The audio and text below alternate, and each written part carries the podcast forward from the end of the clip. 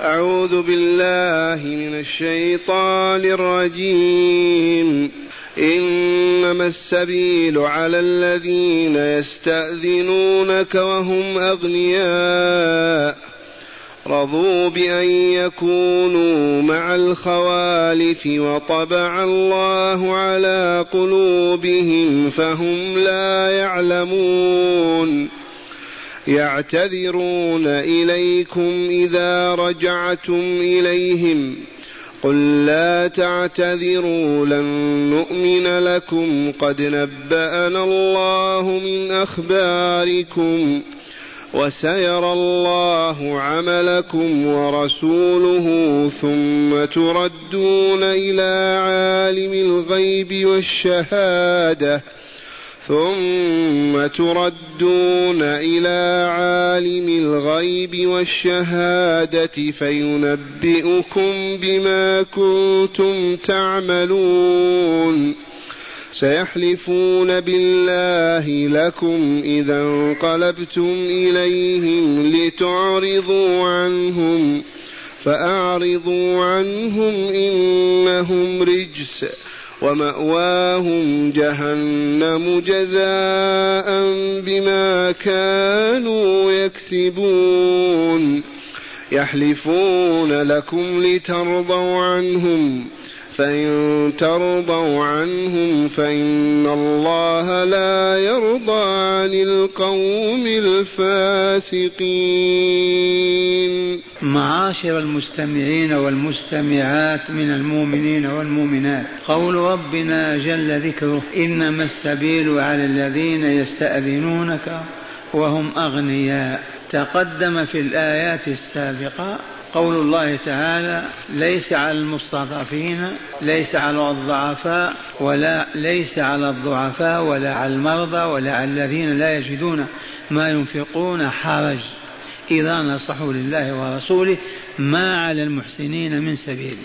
ليس على الضعفاء العجز لكبار أو لصغر أو لقلة مال ولا على المرضى المزمن مرضهم لا يفارقهم ولا الذين لا يجدون ما ينفقون لفقرهم.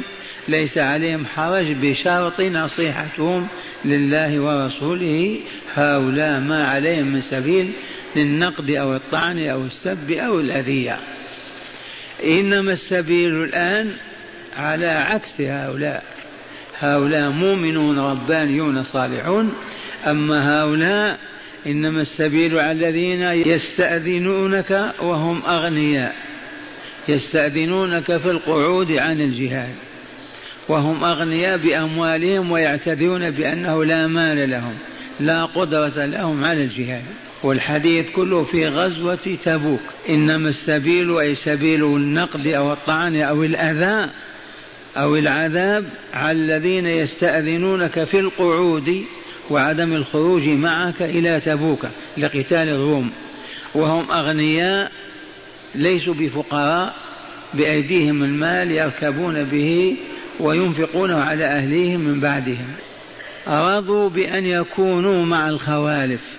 لأنهم استأذنوا بأن يقعدوا مع النساء والأطفال والعجزة وهذا الموقف ذميم ما هو بشريف أبدا. ليقعدوا أن يكونوا مع الخالفين. وثانيا وطبع الله على قلوبهم مع الخوالف. هم الذين جلسوا لضعف وعجز كالنساء وما إلى ذلك. وطبع الله على قلوبهم بسبب ذنوبهم. الكفر والنفاق والفسق. وسائر الذنوب تعمي القلب وتصمه. ما يصبح صاحب يعقل شيء ولا يفهم شيئا. فهم لا يعلمون. لو كانوا يعلمون والله ما يرضون بالتخلف مع النساء والمرضى والعجزة. والله ما يرضون أن يتركوا رسولهم يجاهد الروم ومعه رجال وهم يتخلفون. هذا دلالة على جهلهم وعدم علمهم. وسبب عدم علمهم هم يسمعون ولكن القلوب التي تراكمت عليها الذنوب طمستها ما أصبحت أنوار الهداية تصل إليها وتنفذ إليها. وطبع الله على قلوبهم فهم لا يعلمون. ثم قال تعالى يعتذرون إليكم إذا رجعتم إليهم يخبر تعالى أنهم إذا عاد الرسول وأصحابه من تبوك يجيء هؤلاء المتخلفون مع الخوالف يعتذرون عن تخلفهم ويحلفون بالباطل. هذا يقول زوجتي مريضة وهذا يقول أولادي كذا هذا يقول والله ما أملك ما أركب به. يعتذرون بوجوه الأعذار الباطلة الكذب. أخبر تعالى عنهم قبل أن يفعلوا وهم مستعدون ليفعلوا. يعتذرون إليكم إذا رجعتم إليهم. قل لهم يا رسولنا لا تعتذروا لن نؤمن لكم. لأنهم يكذبون في أعذارهم وهي كذب بحت.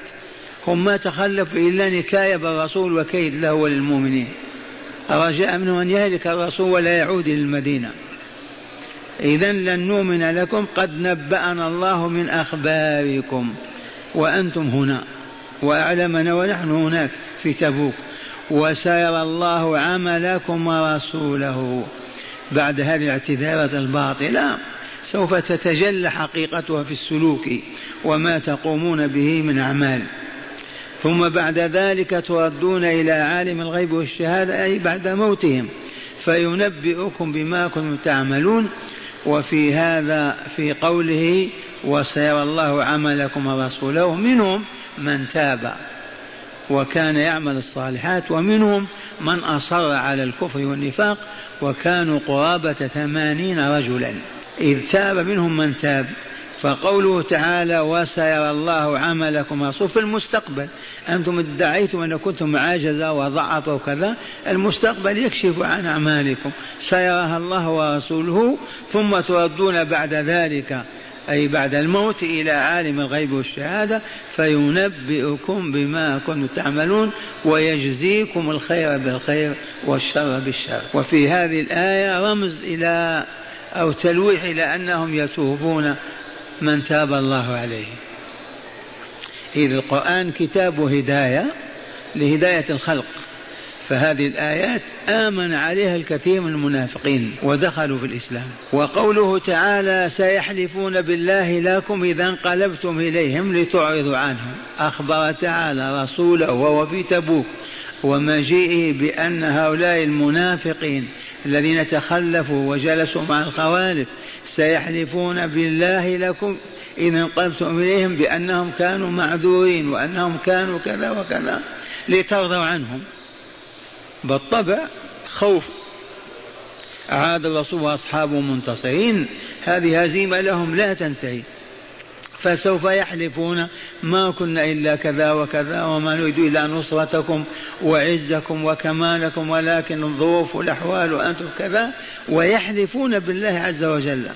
قال تعالى فأعرضوا عنهم إنهم رجس. اتركوا أعذارهم ولا تلتفتوا إليها ولا تقبلوا عليهم بوجوهكم بل قال الرسول لا تجالسوهم ولا تكلموهم فإنهم رجس ورجس النجس قلوبهم كلها كفر ونفاق وحقد على الإسلام والمسلمين. فإنهم رجس ومأواهم جهنم بما كانوا يكسبون. مصيرهم الذي ينتهون إليه ويأون إليه جهنم. وبئس المصير جهنم. أي مصير أقبح من هذا المصير؟ عالم كامل كله شقاء وعذاب وألوان من صنوف العذاب. ثم قال تعالى عنهم يحلفون لكم لترضوا عنهم. يحلفون لكم أي بالله ما في أيمان إلا بالله. لترضوا عنهم بعد سخطكم عنهم لتخلفهم عن الخروج إلى الجهاد.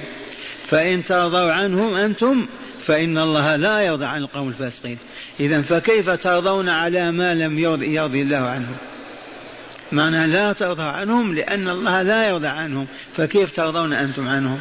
خليهم يحلفون ما شاءوا أن يحلفوا لا تسمعوا لحلفهم ولا تقبلونه. يحلفون لكم لترضوا عنهم فإن ترضوا عنهم فإن الله لا يرضى عن القوم الفاسقين والفاسقون الخارجون عن طاعة الله ورسوله بترك الواجبات وفعل المحرمات. الفاسق من فسق خرج عن الطريق المستقيم لأن الطريق المستقيم الذي هدانا الله إليه هو عبارة عن فعل الواجبات وترك المحرمات والسير بين ذلك. ينهض بالواجب ويتخلى عن المحرم هذا الطريق إلى الجنة. هو صراط الله المستقيم. من خرج بترك واجب أو بفعل حرام فسق. فإن عاد عاد الله له وإن أصر على فسقه طبع على قلبه ولم يرجع أبدا. إذا توغل في الفسق يصبح يتلذذ بالجريمة ويفرح لها. هذا مراد الله عز وجل من قوله إنما السبيل على من أي سبيل النقد والطعن والسب والضرب والأذى في الدنيا والآخرة على من على الذين يستأذنونك يطلبون الإذن منك في البقاء في المدينة بين أهلهم وأزواجهم. هكذا مع الخوالف رضوا بأن يكونوا مع الخوالف وطبع الله على قلوبهم فهم لا يعلمون. أي لذلك هم لا يعلمون لو كانوا يعلمون ما يستسيقون أن يتخلفوا عن رسول الله. كيف الأنصار والمهاجرون يخرجون ويتركون النساء وأطفالهم وهؤلاء يبقون مع الخوالف؟ يرضون مع النساء والبقرة لكن لا علم لهم. والله لا يعلمون. سبب عدم علمهم ما هو؟ ما يجلسون مع الرسول ما يسمعون القرآن. كل هذا حاصل. ولكن ذنوبهم ومن أعظمها النفاق والكفر تحجب القلب من أن يتفتح أو يعي ما يسمع وهذه دائمة إلى يوم القيامة. وطبع الله على قلوبهم فهم لا يعلمون. يعتذرون إليكم إذا رجعتم إليهم إذا عدتم من تبوك إليهم يعتذرون قطعا ويحلفون بالكذب. قل لا تعتذروا لن نؤمن لكم. لماذا؟ قد نبأنا الله من أخباركم وأطلعنا على سرائركم. وما أنتم عليه. كيف نرضى, باعتذاركم؟ وسيرى الله عملكم ورسوله. تريدون أنكم تبتم وأنكم وأنكم؟ سوف يرى الله عملكم ورسوله في المستقبل. فإن كان عودة إلى الإسلام والتوبة النصوح لكم أجركم وإن بقي على الكفر والنفاق فالمصير معروف. سيرى الله عملكم ورسوله ثم تردون إلى عالم الغيب والشهادة وهو الله عز وجل عالم الغيب والشهادة. أو علم غيبهم وأطلع رسول المؤمن عليهم. فينبئكم بما كنتم تعملونه من خير وشر وسيجزيكم بحسب أعمالكم ثم قال تعالى للرسول سيحلفون بالله لكم إذا إذا انقلبتم إليهم. انقلابهم من من تبوك إلى المدينة. رجعوا ذهبوا وانقلبوا راجعين إذا انقلبتم إليهم من أجل ماذا؟ من أجل أن تعرضوا عنهم. لا تسبوا ولا تعيروا ولا تشتموا. فأعرضوا عنهم. إنهم رجس. وسخ. هذا الوسخ وسخ القلوب. كيدهم مكرهم نفاقهم كله وسخ في صدورهم. ومأواهم جهنم المأوى المصير الذي يأوي إليه الإنسان وينتهي إليه سلوكه. وبئس المصير جهنم. أي مصير أقبح من جهنم؟ ومأواهم جهنم؟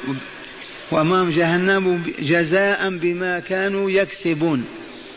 مأواهم جهنم بما كانوا يكسبونه في هذه الحياة من شر وكفر وظلم وفساد. يحلفون لكم لترضوا عنهم سيحلفون قطعا وحلفوا. إذا ترضوا عنهم لا ترضوا. لماذا؟ لأن الله لا يرضى عنهم. فإن ترضى عنه فإن الله لا يرضى عن القوم الفاسقين. والعياذ بالله تعالى.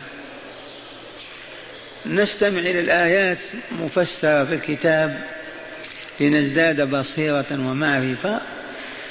معنى الآيات ما زال السياق الكريم في المخلفين أي المتخلفين.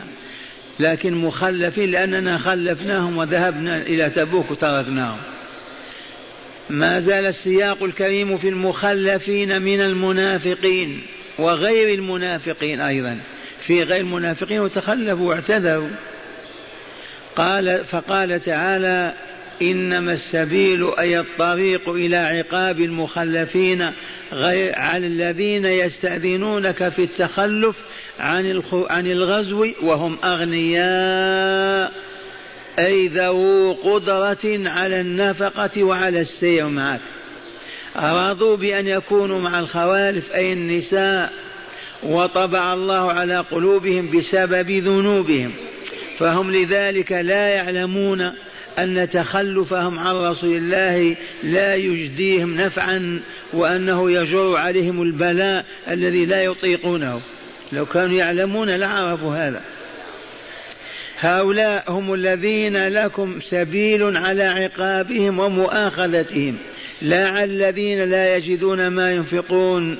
وطلبوا منك حملانا تحملهم عليه فلم تجد ما تحملهم عليه فرجعوا إلى منازلهم وهم يبكون حزنا في الآيات السابقة. هذا ما دلت عليه الآية الأولى. أما الآيات الثلاث بعدها فهي في المخلفين من المنافقين. يخبر تعالى عنهم فيقول يعتذرون إليكم إذا رجعتم إليهم. رجوعهم من تبوك. يطلبون العذر منكم إذا رجعتم إلى المدينة من من غزوتكم. قل لهم يا رسولنا لا تعتذروا لأننا لا نؤمن لكم أي لا نصدقكم فيما تقولون. لأن الله تعالى قد نبأنا من أخباركم وسيرى الله عملكم ورسوله. إذا أنتم تبتم فأخلصتم دون فأخلصتم فأخلصتم دينكم لله أو أصررتم على كفركم ونفاقكم وستردون بعد موتكم إلى عالم الغيب والشهادة وهو الله تعالى فينبئكم يوم القيامة بعد بعثكم بما كنتم تعملون من حسنات أو سيئات ويجزيكم بذلك الجزاء العادل. وقوله تعالى سيحلفون بالله لكم إذا انقلبتم إليهم لتعرضوا عنهم. يخبر تعالى رسوله والمؤمنين. فيقول سيحلف لكم هؤلاء المخلفون إذا رجعتم إليهم أي إلى المدينة من أجل أن تعرضوا عنهم. فأعرضوا عنهم إنهم لا فأعرضوا عنهم أي لا تؤاخذوهم ولا ولا تلتفتوا إليهم إنهم رجس أي نجس ومواهم جهنم جزاء لهم بما كانوا يكسبون من الكفر والنفاق والمعاصي.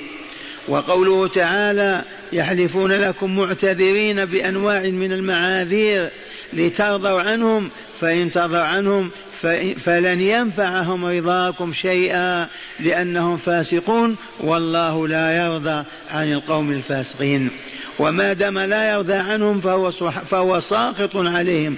ومن سخط الله عليه ماذا أهلكه وعذبه؟ فلذا رضاكم عنهم لا غير مجد لهم. فلذا رضاكم عنه وعدمه سواء لا ينتفعون به. هداية الآيات نتأمل. من هداية الآيات أولا لا سبيل إلى أذية المؤمنين الصادقين. لا سبيل إلى أذية المؤمنين الصادقين إذا تخلفوا فإنهم ما تخلفوا إلا لعذر. وإنما السبيل على الأغنياء القادرين على السير إلى الجهاد وقعدوا عند وقعدوا عنه لنفاقهم والعياذ بالله. هؤلاء عليهم السبيل سبيل الأذى. ثانيا مشروعية الاعتذار. يجوز الاعتذار على شرط أن يكون المرء صادقا في اعتذاره. الاعتذار لمن أساء له أن يعتذر مشروع الاعتذار. على شرط أن يكون صادقا في العذر ما يكذب يقول فعلت كذا وكذا أو بي كذا وكذا. مشروعية الاعتذار على شرط أن يكون المرء صادقا في اعتذاره.